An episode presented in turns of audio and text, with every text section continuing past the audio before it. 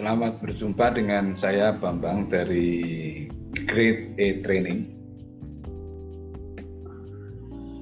Apa yang ingin saya sampaikan itu kaitannya adalah dengan pekerjaan. Nah, ada lima sikap dasar dalam bekerja itu. Apakah Anda bekerja sendiri ataupun Anda bekerja di satu perusahaan? Ada. Tapi yang jelas apa sikap kita ketika kita melakukan satu pekerjaan secara profesional. Ada lima sikap dasar dan ini harus dipegang sebetulnya oleh semua pekerja. Yang pertama itu adalah selalu mempunyai harapan positif. Apa pun yang terjadi dengan diri kita, ya apa pun pengalaman-pengalaman yang kita lakukan dalam hari demi hari itu adalah sel selalu didasarkan kepada harapan positif. Mengapa? Karena kalau harapan kita positif, maka hasilnya akan positif. Ya. Apakah harapan positif selalu hasilnya positif? Ya belum tentu tetapi harapan positif itu adalah satu-satunya pilihan bagi kita. Karena sebaliknya kalau harapan kita negatif, ya misalnya ah nggak mungkin kita melaksanakan itu, nggak bisa selesai itu. Ya akhirnya motivasi kita juga jadi rendah sehingga hasilnya juga akan cenderung positif apa negatif. Lah, apakah harapan positif selalu eh, hasilnya positif? Mostly ya, tapi tidak selalu. Demikian juga kalau harapannya negatif, hasilnya negatif. Tidak selalu juga, tapi jarang. Nah, kalau harapan kita positif, hasilnya positif, kita akan punya semangat, punya daya juang. Nah, kalau kita harapannya sudah positif, hasilnya negatif, ya kita balik lagi ke harapan positif. Nah, sehingga siapa tahu kita berikutnya lagi kita akan mampu lagi. Tapi kalau kita harapannya positif hasilnya negatif kemudian kita turun malah menjadi harapannya negatif hasilnya negatif itu menjadi kayak orang terjun bebas. Tidak lagi percaya dengan harapan positif.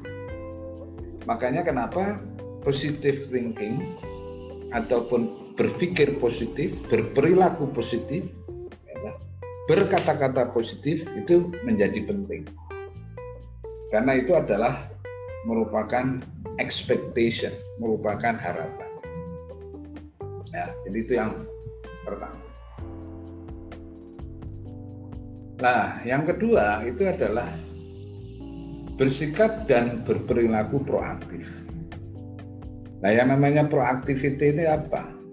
Kan kita ini selalu hidup ada dalam stimuli respon.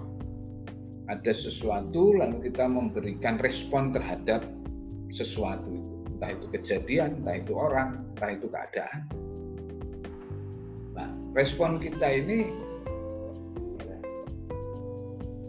adalah merupakan pilihan-pilihan. Contoh, kalau ada orang marah, misalnya kita sedang naik motor lalu tiba-tiba agak mepet sedikit lalu dibentak orang sama supir angkot. Kamu goblok gitu aja nggak bisa nyupir. Hati-hati dong. Nah, supir angkot marah. Nah, lalu kita marah ganti.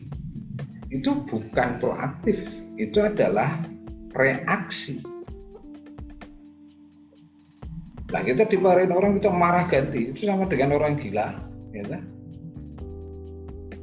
Dimarahi, lalu kita jawab sama orang gila lagi. Gila melawan orang gila.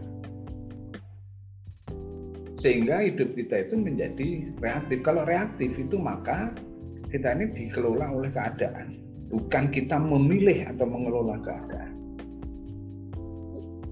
Nah, antara stimuli dan respon itu itu ada jeda, ada jarak. Oh, supir angkot marah. karena merasa agak terganggu. Gitu. Lalu kita punya pilihan-pilihan sebelum kita memberikan respon. Nah, pilihan kita itu bisa kita diam aja. Ada. Yang kedua kita bisa minta maaf. Sorry bos. Yang ketiga kita maklum. Ya maklum namanya juga supir angkot. Kita bisa sedih. Masa kayak gitu aja keganggu dikit aja sedih kita bisa responnya kita itu adalah gembira. Masa kayak gitu aja kok. Keganggu sedikit kok. Marah. Kita gembira. Sorry bos. bisa. Atau dia marah kita respon kita bisa marah. Lah, marah antara marah yang reaktif sama marah yang proaktif atau yang pilihan itu berbeda. Kalau marah yang reaktif itu spontan, tapi kalau marah yang proaktif itu terkendali. Ya. Ya. Boleh jadi kita juga marahnya banget ya toh. Nah, kalau kita turun, Mas, saya ini marah, Mas. Masa hanya kena keganggu sedikit aja sampean sampai memaki saya binatang. Saya marah, Mas. Terima kasih. Selamat siang. Nah, itu marah yang proaktif. Nah, dalam pekerjaan juga gitu. Kita itu memilih terhadap berbagai pekerjaan, beratnya, ringannya, susahnya, ya, bebannya, kesulitannya. Respon kita ini bisa macam-macam, tapi respon yang proaktif itu karena memang kita memilih itu, memilih respon itu. Lah, bagaimana kita bisa memilih respon berbagai respon itu? Satu kita punya kesadaran. Kayak tadi supir angkot marah lalu kita marah lagi. Itu namanya orang gila melawan orang gila. Nah pertanyaannya kesadaran kita apakah kita mau sama gilanya? Yang kedua adalah selain kesadaran adalah kepekaan. Kita bisa maklum dengan kondisi supir angkot. Kita peka terhadap keadaannya dia. Ya Lalu yang ketiga adalah rasional. Jadi rasionalitas kita ini bisa menentukan eh, respon kita. Yang keempat itu adalah imajinasi. Nah, imajinasi inilah yang kemudian nantinya bisa mendatangkan empati. Seandainya aku jadi res, jadi supir angkot, keganggu dengan motor kita, kaget. Nah, sehingga kan kita bisa ya kasihan juga sih. Nah. Yang kelima itu adalah independent will. Kita itu mau jadi apa di dalam memberikan respon terhadap berbagai keadaan itulah yang disebut proactivity. Jadi kita memilih di dalam hidup Makanya proactivity bisa dikatakan juga dengan responsibility, ya tanggung jawab. Jadi kemampuan memberikan respons terhadap berbagai keadaan. Nah ini harusnya menjadi sikap dasar dalam bekerja, dalam berperilaku. Ya, sehingga kita ini tidak reaktif, tidak nunggu diperintah bos, tidak nunggu karena gajinya besar apa kecil. Nah, yang ketiga itu adalah sikap dasar dalam bekerja itu adalah dilarang frustrasi walau sedetik. Sedih boleh nggak? Ya kalau sedih dikit-dikit sih boleh aja. Tapi kalau sampai frustrasi dilarang. Ya. Nah kalau frustrasi gimana? Nah kalau kita frustrasi itu maka prestasinya, kinerja kita juga akan rendah. Kalau rendah itu banyak orang nyukurin apa banyak orang bantuin? Nyukurin. Jadi sudah kita jatuh, ketimpa tangga, nggak ada yang bantuin. Jadi yang rugi adalah kita sendiri. Makanya dilarang frustrasi walau sedetik. Yang keempat itu adalah jadilah berlian walaupun dalam lumpur. Karena kita suka menganggap bahwa kalau kita kerja ini kayak lumpur kayak paling susah sendirian. Nah apa pun yang terjadi entah berat volume kerjaan banyak atau tidak itu jadilah berlian. Jadilah yang bagus. Berlian karena ditempa oleh yang demikian kuat maka menjadi batu yang lebih keras daripada baja sekali.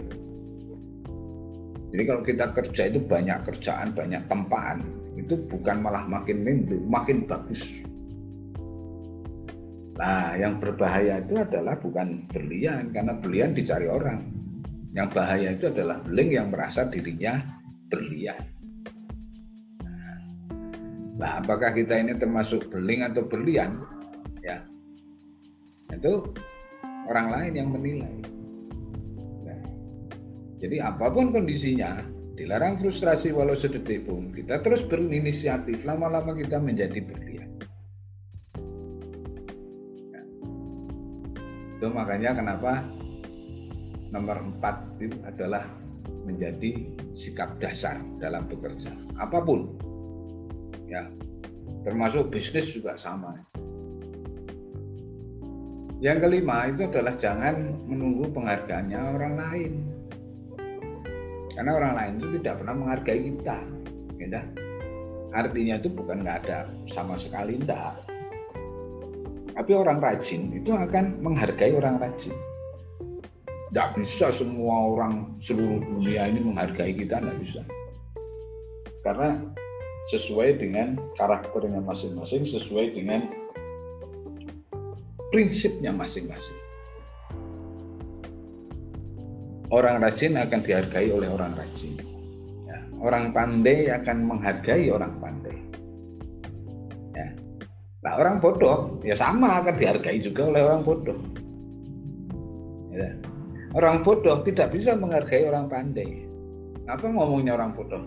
Lagu loh, mentang-mentang pinter lu, ya Orang kaya juga gitu. Orang kaya akan dihargai oleh orang kaya.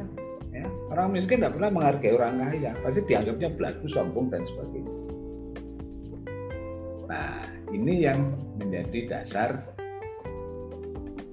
adalah nomor lima.